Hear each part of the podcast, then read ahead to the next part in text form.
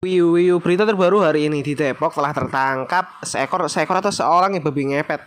Dan babi ngepet ini katanya sudah lama meresahkan warga. Gue bingung itu masih ada aja itu orang-orang yang percaya sama babi ngepet. Padahal babi ngepet itu sering dijadikan sebuah argumen orang-orang yang iri terhadap pencapaian orang lain.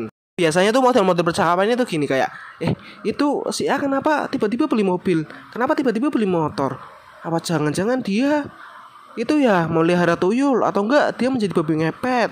Eh enggak gitu juga lah anjing. Dia tuh juga berusaha gitu. Walaupun perusahaannya itu kita nggak jelas misal open bo gitu kan kita nggak tahu setidaknya dia berusaha. Janganlah sesuatu sesuatu itu selalu disangkut pautkan dengan hal-hal yang gaib. Kasihan lah ilmuwan-ilmuwan kayak Thomas Alva Edison kayak si Einstein menghabiskan seluruh hidupnya itu untuk mempelajari hal-hal eksak, hal-hal yang benar-benar terjadi di alam ini.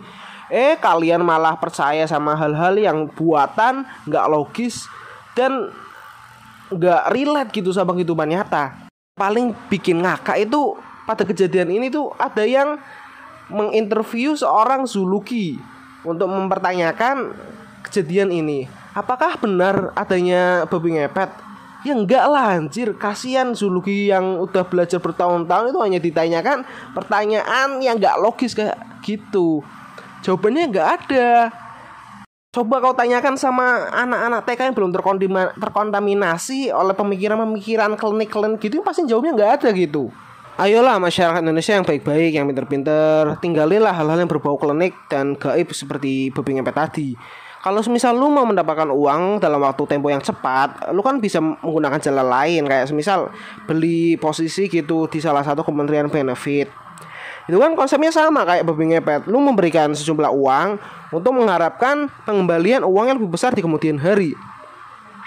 Ya dan salah satu yang bikin gue bingung tuh kayak masyarakat kehilangan uang sejuta dua juta itu gegernya banget gitu. Padahal dari dulu kita itu udah kehilangan uang bermiliar-miliaran dari tindak pidana korupsi.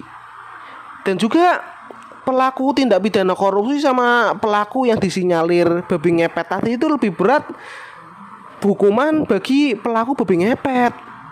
Babi ngepet itu sampai dibunuh, sampai dikubur hidup-hidup. Sedangkan pelaku korupsi sekarang di mana?